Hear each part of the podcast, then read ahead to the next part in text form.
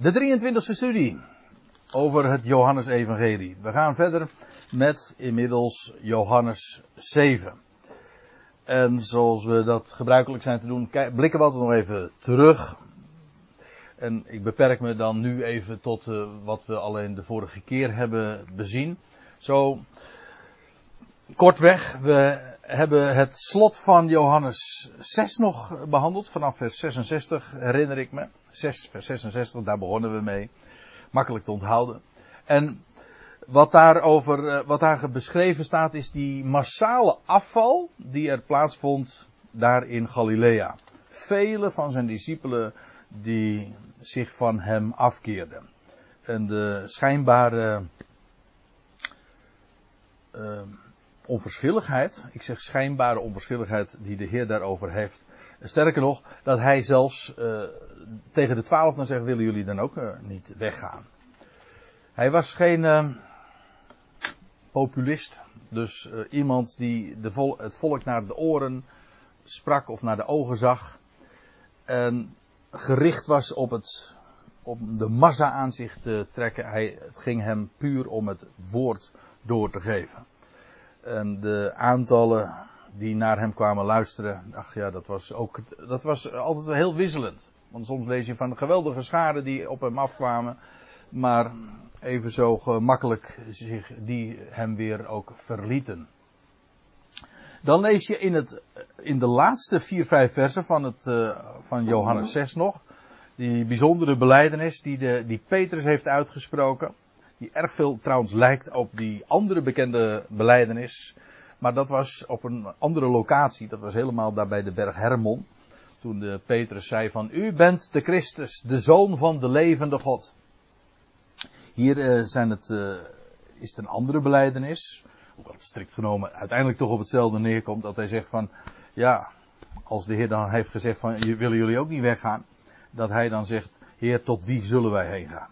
U hebt immers woorden van Ionisch leven. Wij hebben geloofd en erkend dat u bent de heilige van God. Nou ja, en dan uh, steekt uh, de Heer hem uh, ook hen een hart onder de riem. En dan vanaf vers 1 in hoofdstuk 7, daar lees je over dat de Heer een afkeer heeft om naar Jeruzalem toe te gaan. Juist omdat ze hem daar ook te doden. Dat lees je in vers 1. En hij ging in ieder geval niet met de pelgrims mee. Uh, dat was ter gelegenheid van het Loofhuttenfeest. Dat staat in vers 1. We hebben de vorige keer daar nog wat, uh, wat meer bij stilgestaan over de, over de verschillende hoogtijden. Over eigenlijk twee groepen hoogtijden. De eerste groep hoogtijden die allemaal plaatsvinden eerste maand en een groep hoogtijden in de zevende maand. De groep hoogtijden in de eerste maand hebben allemaal betrekking op de eerste komst van Christus. Die hoogtijden in de zevende maand hebben allemaal te maken met de wederkomst van Christus. We hebben dat wat, uh, daar wat uitgebreider bij stilgestaan. Het Huttefeest is dus ook een van die feesten die te maken hebben met, met, ja, met zijn terugkeer, met de vestiging van het Messiaanse koninkrijk hier op aarde. En dan begrijp je ook meteen waarom de Heer zich hier um, als, uh, de, als een verborgene opstelt. We zullen dat straks, straks ook nog vers, uh, in vers 10 zien.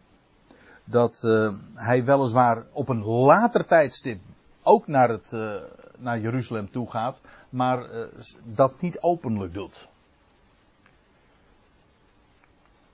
En dan eh, in datzelfde verband, in mijn Bijbeltje staat het ook boven vers 1 tot uh, met vers 9. Het ongeloof van Jezus' broeders.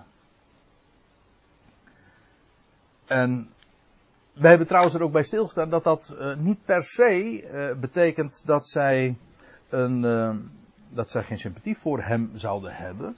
Maar ze geloofden niet in hem. Zoals, en wellicht hebben zij hoorden zij ook bij die velen die zich van hem hadden afgekeerd, die aanvankelijk misschien wel veel in hem hadden gezien, maar toen uh, de Heer helemaal uh, niet geporteerd bleek te zijn voor hun ambities, namelijk om zich te openbaren, want dat is wat zijn, wat zijn broeders ook tegen hem zeggen van, ga naar Jeruzalem op en openbaar uzelf.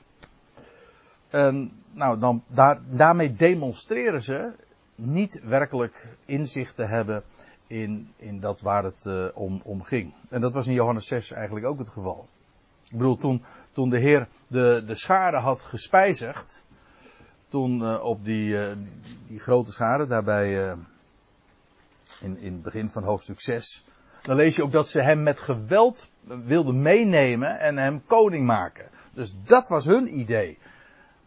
En dan zegt de Heer van ja, jullie hebben helemaal niet begrepen. Ik zeg nu eventjes heel kort weg, maar feitelijk is dat het, het, de grote inhoud van de reden in hoofdstuk 6. Van jullie hebben helemaal niet begrepen dat dat teken dat heeft plaatsgevonden. Want dat teken van die vermeende vervuldiging van het brood, dat wijst op mij als het brood van het leven. En, en dan verwijst hij ook naar, naar zijn dood en zijn opstanding. Daar alles had het mee te maken. En dat stuitte op zoveel onbegrip. Nou, dat eventjes kort samenvattend wat we de vorige keer hebben bezien. Dus dan pak ik het, uh, het vers nog eventjes op wat we als laatste de vorige keer hebben gezien. Als echter de broeders van hem opgingen tot in het feest, dan, dat wil zeggen daarna, ging hij ook zelf op. Niet openlijk, maar als in het verborgene. Zijn broeders hadden immers hem aangespoord om, om openlijk te gaan. En hoe stond het in vers 4? Dat zij zeggen van, ga van hier, reis naar Judea, opdat ook uw discipelen uw werken aanschouwen. Ja, en dan later in vers 4 indien gij zulke dingen doet, maak dan, uh, gij, maak dan dat gij bekend wordt aan de wereld. En ja, dat betekent, als je naar Jeruzalem gaat, dat is de plaats voor de Messias om zich te manifesteren. Maak u zelf bekend aan de wereld.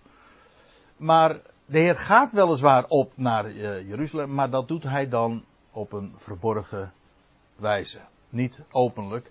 En daarmee, en dat is wat ik zojuist ook eventjes kort uh, probeerde aan te geven, en ik herhaal dat eigenlijk nu dus even uh, het Loofhuttenfeest, dat is het, een, een type van het Messiaanse Rijk. En ja, daar zal de Heer, ik bedoel, je leest het ook in, in Zachariah 14, als de Heer zal verschijnen, en dan zal ook het Loofhuttenfeest jaarlijks gevierd worden vanuit Jeruzalem, en dan zullen de pelgrims ook uh, van, van wereldwijd naar Jeruzalem toekomen. En ja, het is het, het grote oogstfeest van de, van de. Maar de Heer, die is daar wel, maar het is, dit is nog niet de tijd van het Loofhuttenfeest.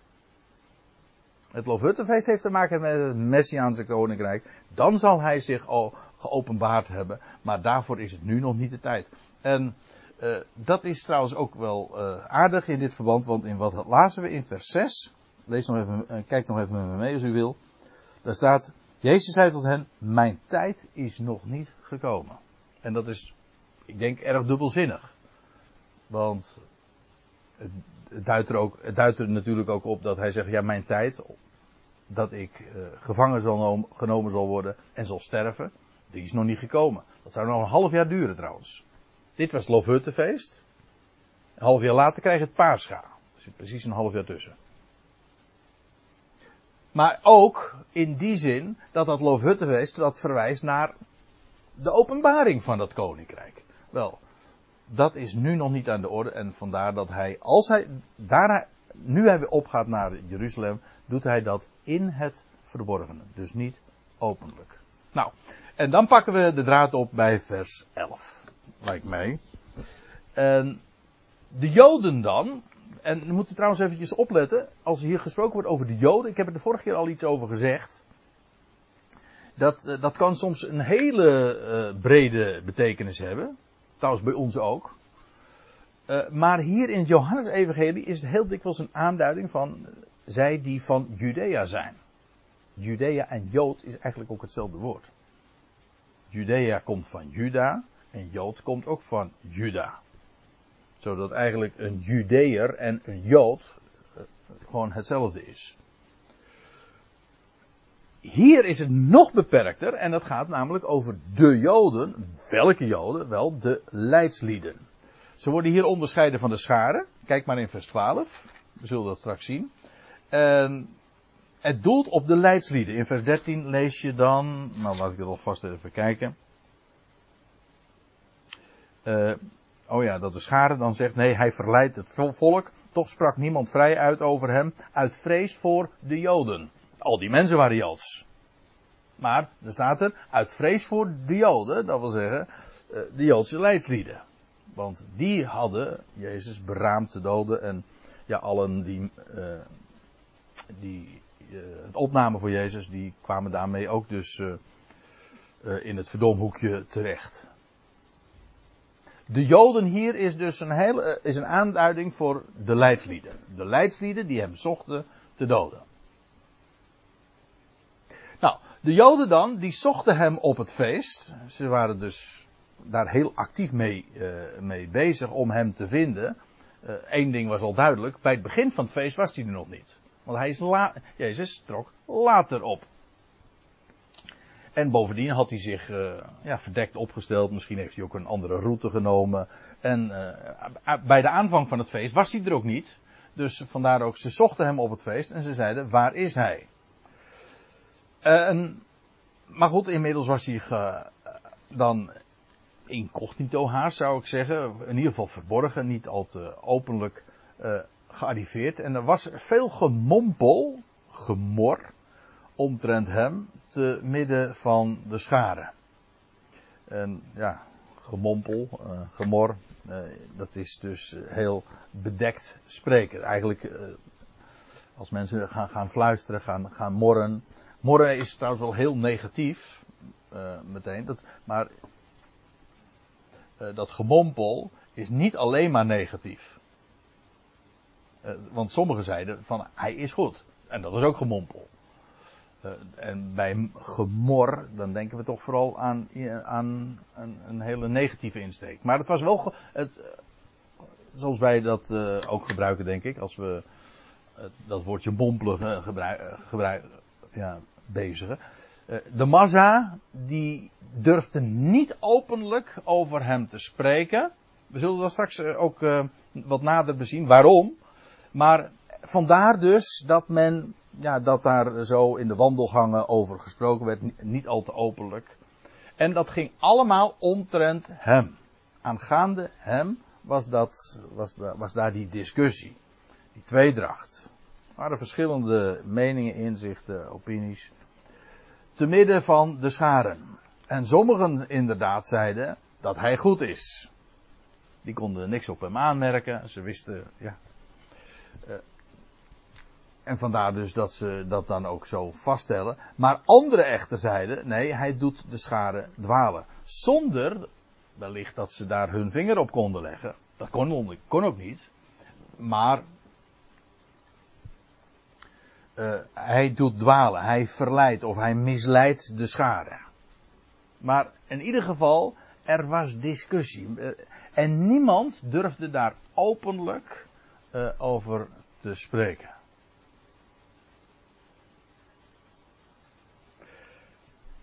Ja, nou dat is dan wat in vers 13 gezegd wordt. Niettemin, niemand sprak in vrijmoedigheid omtrent hem. Dat was al eerder, ik wijs hier even op Nicodemus. Dat was trouwens ook in Jeruzalem. Johannes 3, dan lees je dat. Dat uh, de Heer Jezus daar in Jeruzalem was en dat dan Nicodemus, de leraar van Israël, in de nacht tot Jezus komt en dan een gesprek met hem aangaat.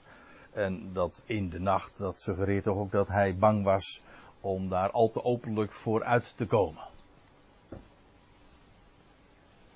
Niemand sprak in vrijmoedigheid uh, omtrent hem vanwege de vrees van de Joden. Ja, we lezen, als we een hoofdstuk verder uh, komen, in hoofdstuk 9, dat is in die geschiedenis van de blindgeborene, dat er staat, en ik lees het nu even voor van in vers 22. En dat, ik denk dat dat heel goed de toon zet. De Joden waren reeds overeengekomen dat indien iemand mocht beleiden, en beleiden betekent toch echt openlijk vooruitkomen, dat hij de Christus was, hij uit de synagoge zou worden gebannen. Later lezen we dat trouwens in hoofdstuk 10, geloof ik, of 11, uh, nog een keer. Dan lees je, nee, dan lees je nog sterker. Dan lees je dat sommige van de oversten, dus dan praat je echt over de, ja, de top van de leidslieden. Sommigen die geloofden in hem, maar dan lees je, ze durfden daar niet vooruit te komen. Nicodemus is daar één van geweest. Omdat ze dan ook inderdaad, en dan staat er hetzelfde, omdat ze dan uit de synagoge gebannen zouden worden. En ja, dan, worden, ja, dan kom je buiten de gevestigde orde. Dan kom je buiten de kerk, zeg maar. Hm? De, de Jodenkerk in dit geval. Buiten uh, ja, dat wat, uh, waar erkenning te vinden is. En da, ja, dat is uh, ongeveer het ergste wat een mens dan, nou, in de praktijk wel, hè, wat je kan meemaken. Dat je niet, dat je niet meer geaccepteerd wordt door de gemeenschap. En dat je sociaal geïsoleerd wordt. Vergis u niet, hè. Dit, we praten hier over, over het Jodendom, over Jeruzalem. Hier specifiek gaat het over Jeruzalem. En als je dan uit de synagoge gebannen dan was je gewoon een paria. Werd je met de nek aangekeken. Massaal. En ja, dat is uh, een positie uh, die niemand verkiest. Dus je, je moest er echt wat voor over hebben. Ik heb het hier over, we hebben het hier over Jeruzalem. Hè. Je neemt een, uh, nou, dat was een ander verhaal dan in, in Galilea. Ook daar kom ik straks nog eventjes op terug. Maar u ziet hoe, ja, hoe scherp uh, dat uh, zich later ook aftekent. Of dat hier ook al zo is, dat weet ik niet. Maar later in hoofdstuk 9 lees je dus dat, uh, dat de Joden, de leidslieden, waren overeengekomen dat mocht iemand dat beleiden dat hij de Christus is, dat die uit de synagoge gezet zou worden. Dus ja. En dan moet je ook even voor, als je er even door, over doordenkt. De synagoge. Hm? Dat is toch de orthodoxie. Zij die de Bijbel, ja, de toenmalige Bijbel, ik bedoel, het Nieuwe Testament was er nog niet. De, de Bijbel, het Oude Testament, hadden zij in bezit. Daar werd het woord gepredikt. En zij hadden overeengekomen dat als, als, als men zou beleiden dat hij is de Christus. Ik bedoel, heel die Bijbel, die, die getuigt juist van hem. En als iemand dat dan geloofde, dan werd je er buiten geplaatst.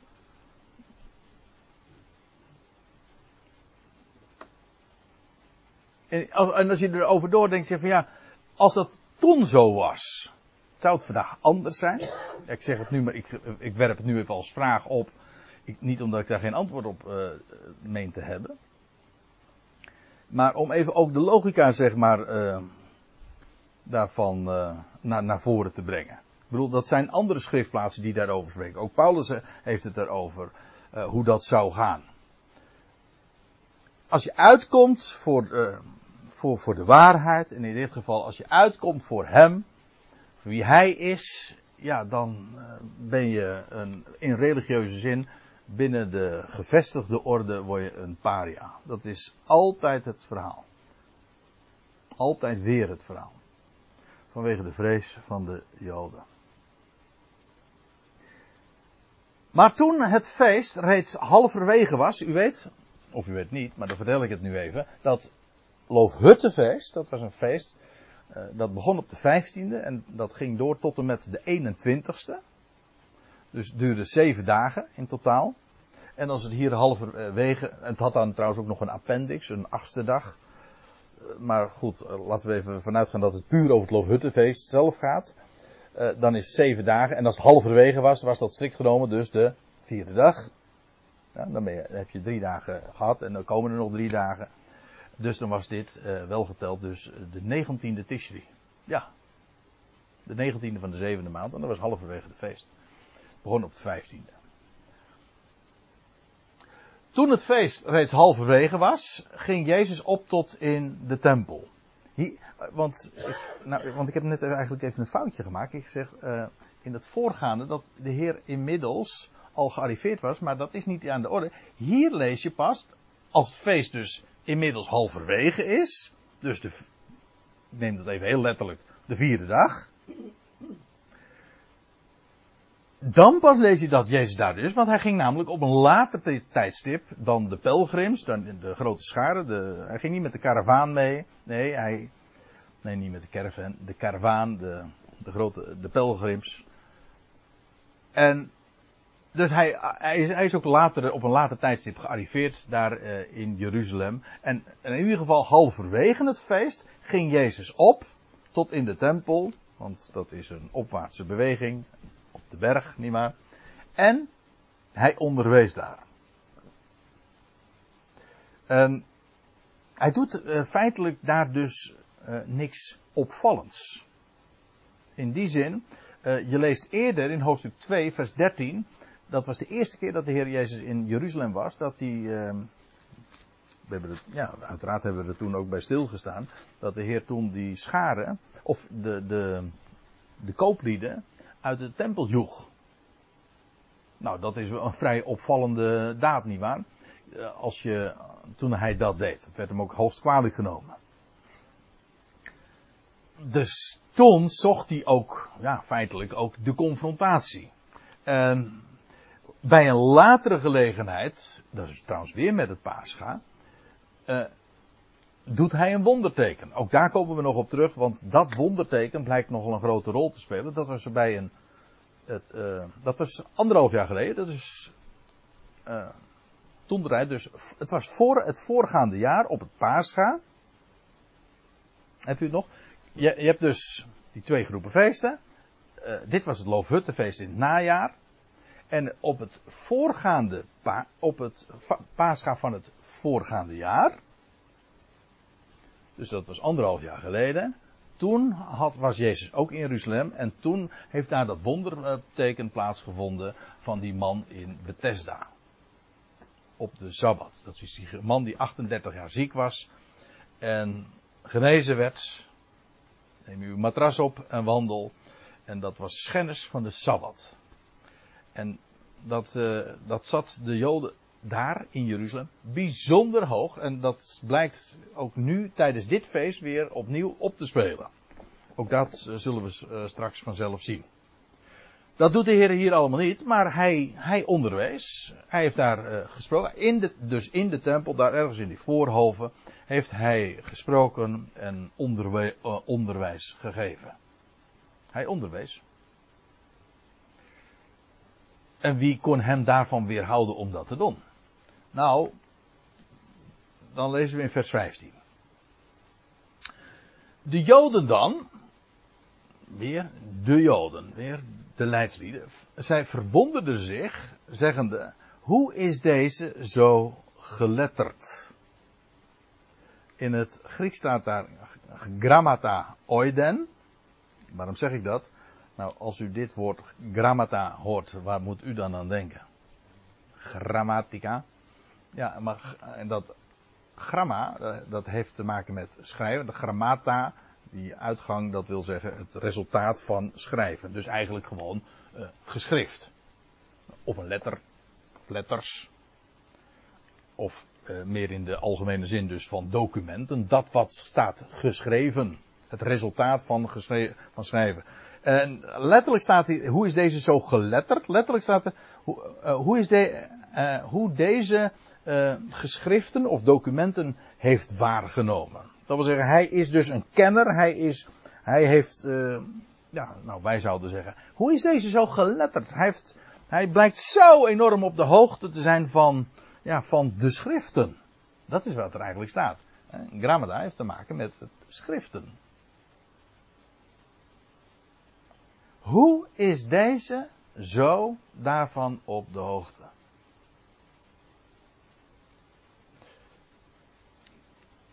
En dan staat erbij, zonder geleerd te hebben. Nou, uh, zonder, in de NBG-vertaling ziet u staan, uh, ik weet niet hoe het in de Statenvertaling staat, maar zonder onderricht te hebben ontvangen. Het idee is dus, hij, is, hij is zo op de hoogte van geschriften. Ik, ik, ik, lees hier vooral de heilige schriften. Want dat is toch het onderwerp geweest waar, van waaruit de Heer sprak. En waarover hij sprak. Maar zeggen ze, hoe kan hij dat allemaal zo weten? Zij verwonderden zich erover. Trouwens, eventjes uh, teruggaan in de tijd. Dat had uh, pakweg twee decennia eerder ook al plaatsgevonden.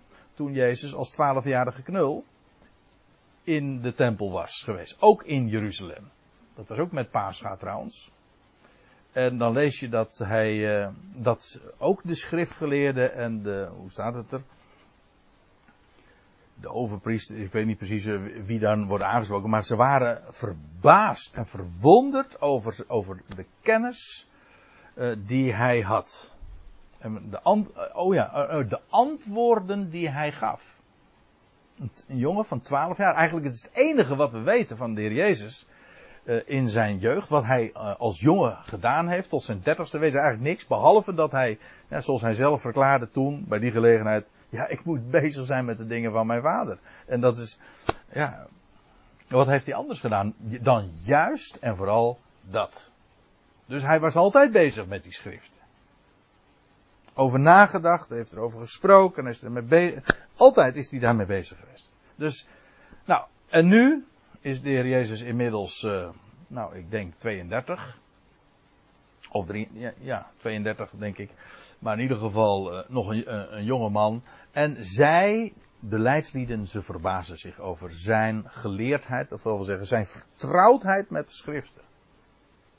Zonder geleerd te hebben, dat wil zeggen zonder een, want dat is de gedachte, zonder een erkende opleiding.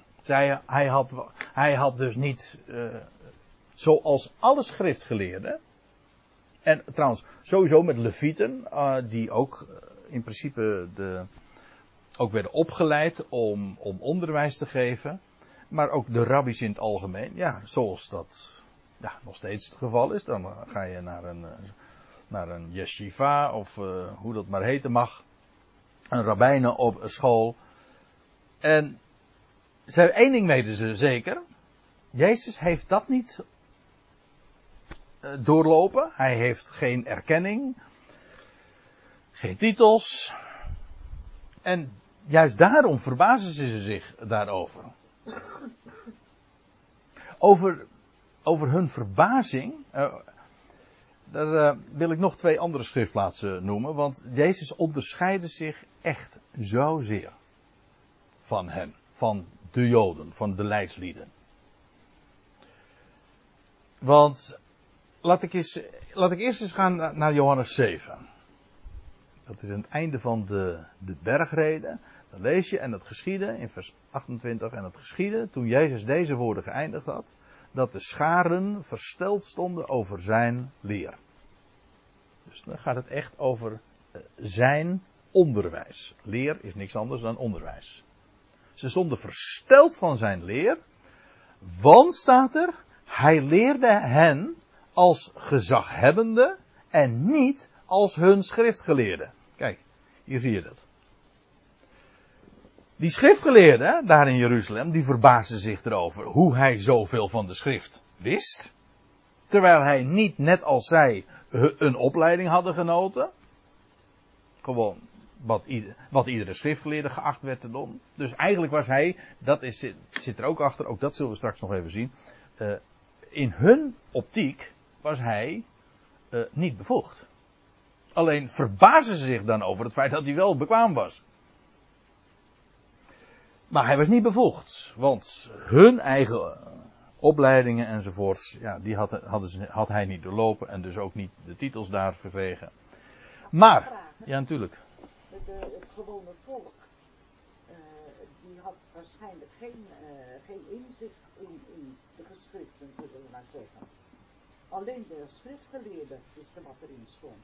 Het gewone volk wist het niet, die moesten dit van hen horen. Dat wel, ja. Het is gewoon, ja. ja. In hoeverre, je bedoelt, uh, u bedoelt te vragen, uh, of daarmee aan te geven, hoe had Jezus toegang tot de schriften? Ja, bijvoorbeeld. Nou, of ja, maar ook de andere mensen natuurlijk. Kijk, ja. die, mensen die dus niet... Uh, die oh, hier, de scharen. Ja. He, die hadden het die hadden zelf geen inzicht gehad wat er allemaal geschreven stond. Nee. Dat hadden ze via de schriftgeleerden dan te horen gekregen. Ja. wat ze wisten. Ja. Maar waarschijnlijk wisten ze helemaal niet zoveel. Uh, nou, dat laatste weet ik niet zo. Of, uh, of uh, de kennis onder het volk zo heel erg gering was. Ver, ver, vergeet, vergeet, je niet, ze gingen elke sabbat naar de synagoge. En dat, nam, de, dat nam een heel groot deel toch ook van hun tijd in beslag. Maar dat is wel wat de, wat de Heer Jezus hen ook altijd verwijt. Van ja, het zijn vooral de tradities van mensen die jullie hebben onderwezen gekregen. Eigenlijk eh, om nou even terug te gaan met Matthäus 7, zie je dat hier ook. Ze stonden versteld over zijn onderwijs. Waarom? Hij leerde hen als gezaghebbende en niet als hun schriftgeleerde. Dat wil zeggen, uh, degene van wie zij de kennis altijd verkregen. En wat was dan het verschil? Dat is, uh, hij had autoriteit.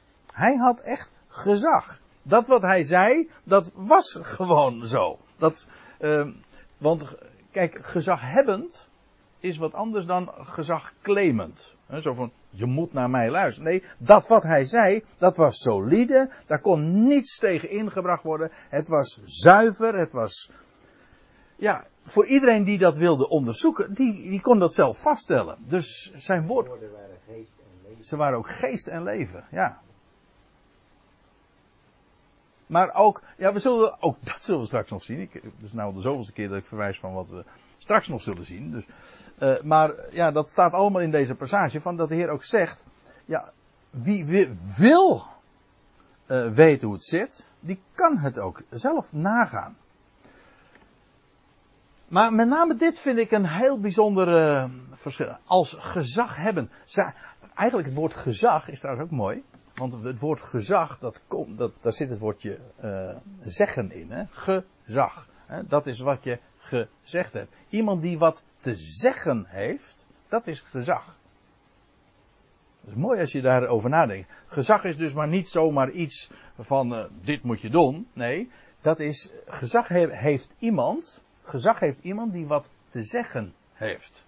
En de Heer had wat te zeggen. Woord Gods, dat inderdaad geest en leven is, maar ook, ja, dat zich zo, dat zichzelf ook bewijst. Het woord van God bewijst zichzelf ook. Dus dat heeft de Heer gesproken en dat, daar was de Heer zelf ook zeker van.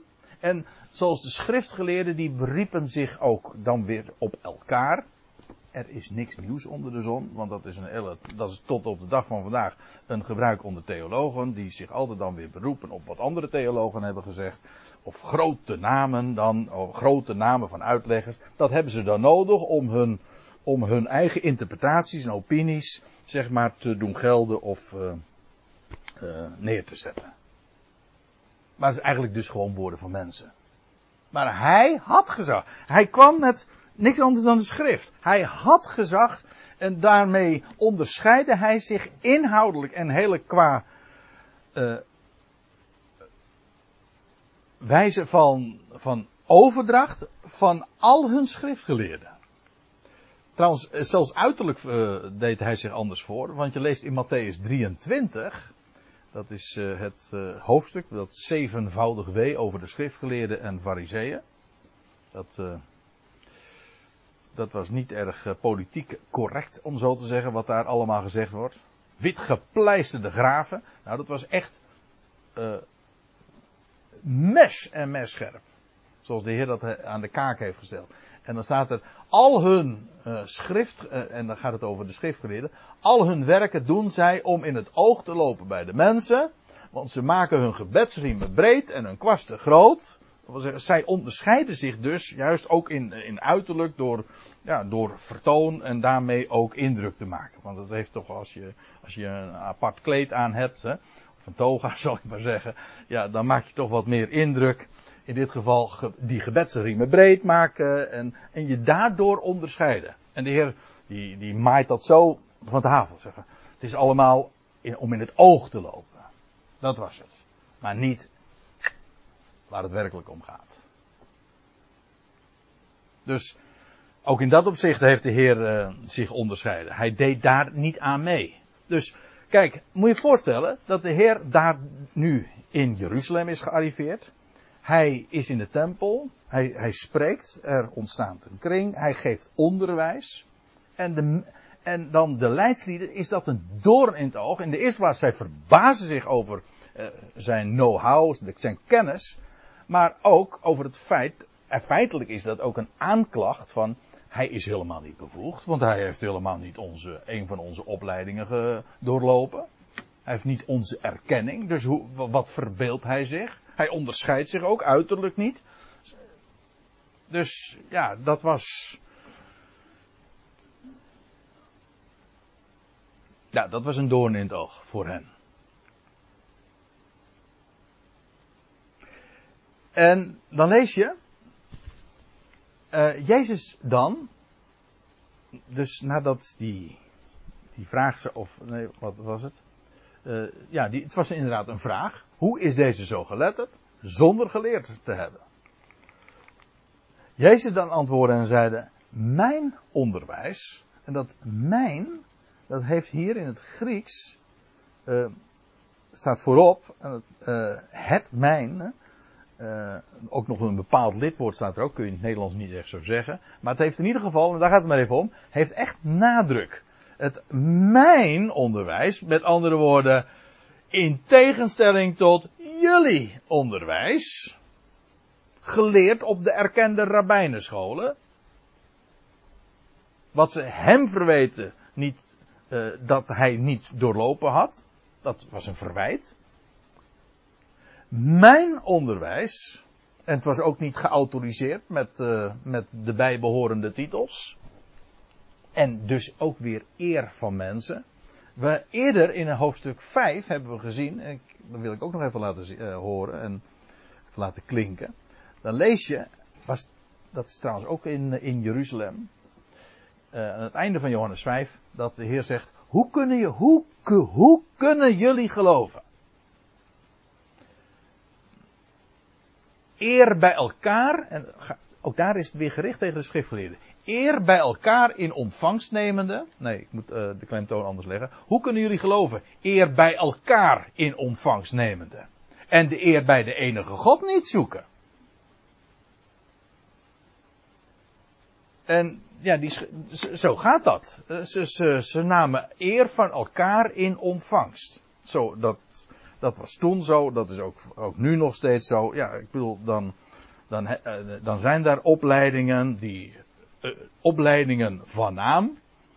En als je die dan doorlopen hebt, dan, ja, dan krijg, word je geaccrediteerd en dan word je bevoegd en dan krijg je een titel voor je naam. Dat is allemaal eer van mensen. Die eer van mensen ontbrak Jezus. Hij zegt maar, jullie zoeken die eer. En jullie nemen wel eer van elkaar zo in ontvangst. En jullie zijn daarmee heel wat. En jullie maken daarmee indruk. Maar de eer bij de enige God zoeken jullie niet. Dat wil zeggen, dat wat hij te melden heeft en zijn woord, daar laten jullie helemaal niks gelegen aan liggen. Als je trouwens even één of twee versen doorleest, dan staat er ook van, want uh, jullie maar gaan praten op Mozes, maar als zouden jullie Mozes geloven, dan zouden jullie ook mij geloven, want hij heeft voor mij geschreven.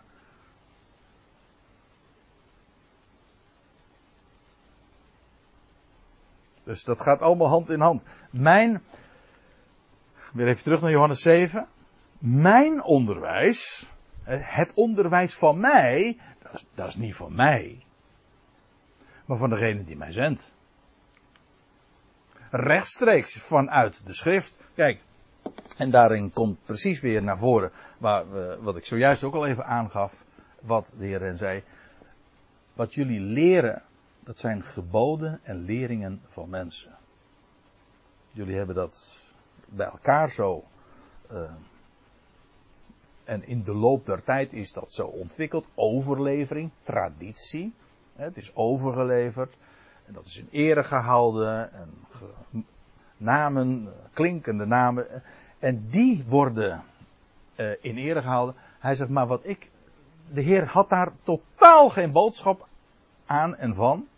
Hij zegt, mijn onderwijs, hij zegt, dat is niet van mijzelf. Ik vertel helemaal niks van mijzelf. Hij zegt, maar het is van degene die mij zendt. En dat wil dus zeggen, het is het onderwijs van God zelf die gesproken heeft, zijn woord, de schrift. De Heer ging het uitsluitend om de schrift. En dat was, ja, not dan. Want daar, daarmee, doordat de Heer uh, uitsluitend de schrift liet spreken. En vanuit de schrift sprak. Uh, passeerde hij dus al die gevestigde namen en die opleidingen en, en, en al die tradities die in de loop der tijd ontstaan waren. En ja, dat waren toch ook geen domme jongens, hè? Ik, ik, ja, ik, ik, wil er niet te, te, veel over zeggen, maar al dat, die type redenering, als ik dit zo lees, en ik, ik, we hebben het er nu over, dan zeg ik, het is zo herkenbaar. Zo herkenbaar, want dan denk ik iedere keer, waar heb ik dat vaker gehoord? Dat op het moment dat je ingaat dat tegen wat men zegt. En dat je ingaat tegen, tegen, tegen gevestigde namen, instituten, kerkgenootschappen, die in de loop der eeuwen zoveel gezag uh, wordt toegekend. Ze zijn niet gezaghebbend. Nee, er wordt zoveel gezag aan, aan toegekend.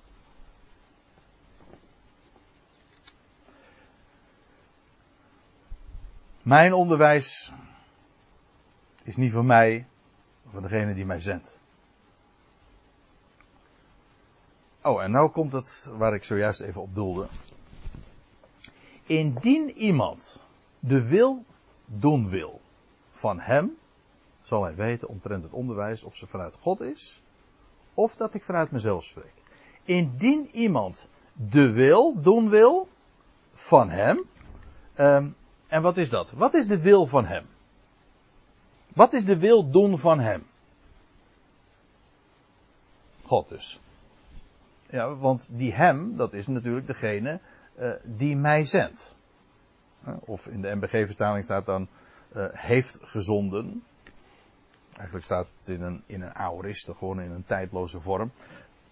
Die mij, gewoon, die mij zendt. Als feit. En dan zegt hij, uh, als hij dan naar hem verwijst, dat is dus mijn zender. Indien iemand dus de wil doen wil van mijn zender, dat is die hem. En ja, wat, wat zou de wil in de eerste plaats van hem zijn? Anders dan gewoon te luisteren naar wat hij zelf te zeggen heeft.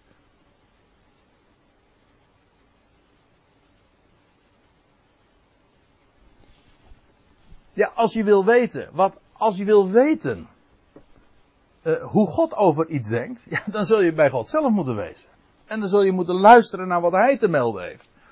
En dan, en dan ziet u dat het trouwens ook niet te maken heeft met intellectuele capaciteiten, maar het heeft te maken ook met de bereidheid te luisteren. Indien iemand wil, de wil doen wil van Hem. Ik geloof uh, echt uh, dat, trouwens ook dat zie je, het heeft echt niet uh, met intellect te maken. En soms, uh, ik wil het niet omkeren hoor, ik wil niet zeggen van dat de intellect uh, of intelligentie een blokkade is om hem te kennen. Dat is absoluut niet waar. Maar het is wel zo dat intellectualiteit, en vooral als je dan geleerd hebt, en dan wordt het iets van, van ja, wat jij toch allemaal zelf hebt verworven en verkregen aan kennis. Uh, dan, kan het, dan wordt het een blokkade. En zeker als je volgestopt bent met allemaal kennis van instituten en, en van menselijke leer en overlevering. Ja, dan wordt, dan wordt die kennis een blokkade om bij hem te komen. En het is ook vaak onaantrekkelijk. Menselijkerwijs gesproken is het onaantrekkelijk. Ik bedoel, gaan we nu even terug naar Jeruzalem. Hier, die dagen. Wie openlijk voor hem uitkwam, die werd uit de synagoge gebannen. Nou, dat is niet aantrekkelijk. Dat doe je liever niet.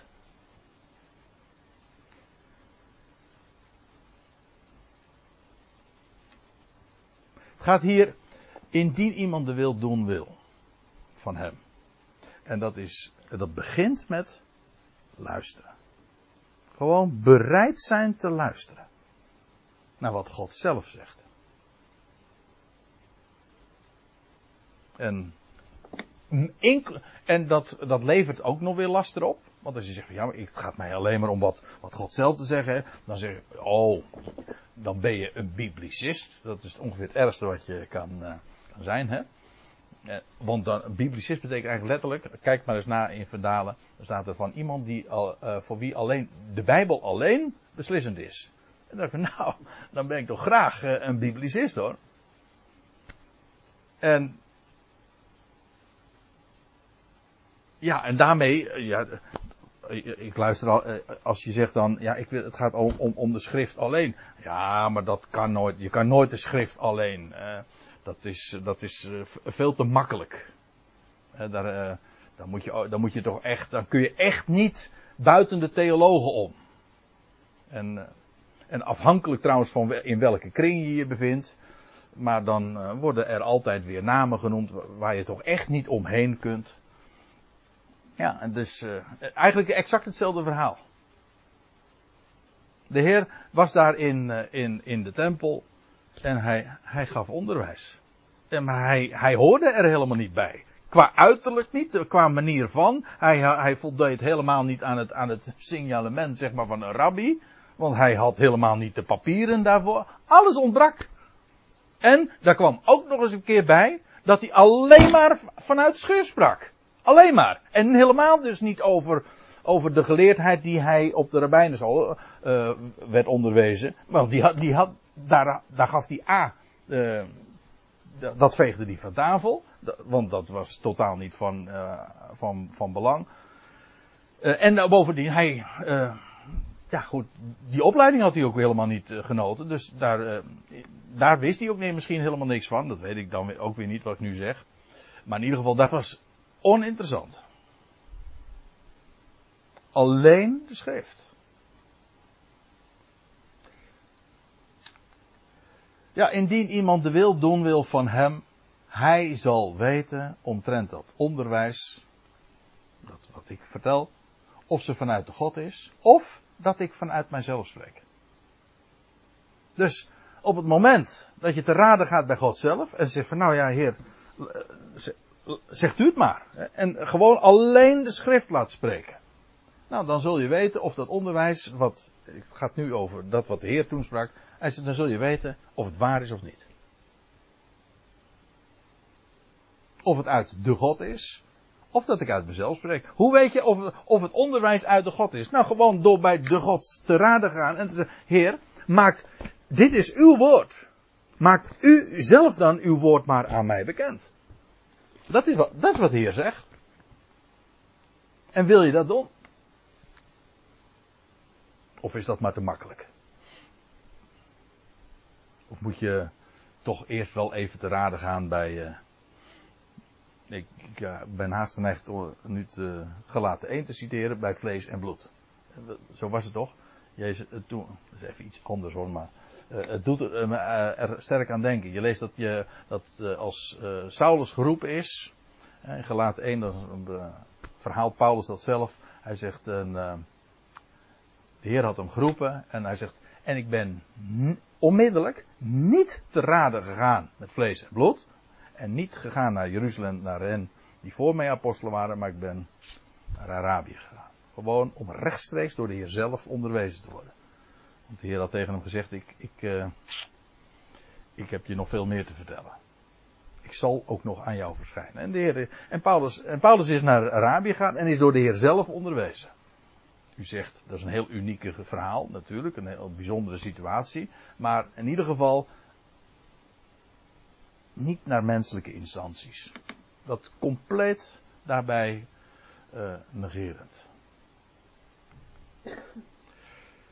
Ja, ik zie dat het trouwens uh, inmiddels 8 uur, oh, 9 uur is, bijna. En uh, laten we het hier even bij houden, dan gaan we straks verder in vers 18.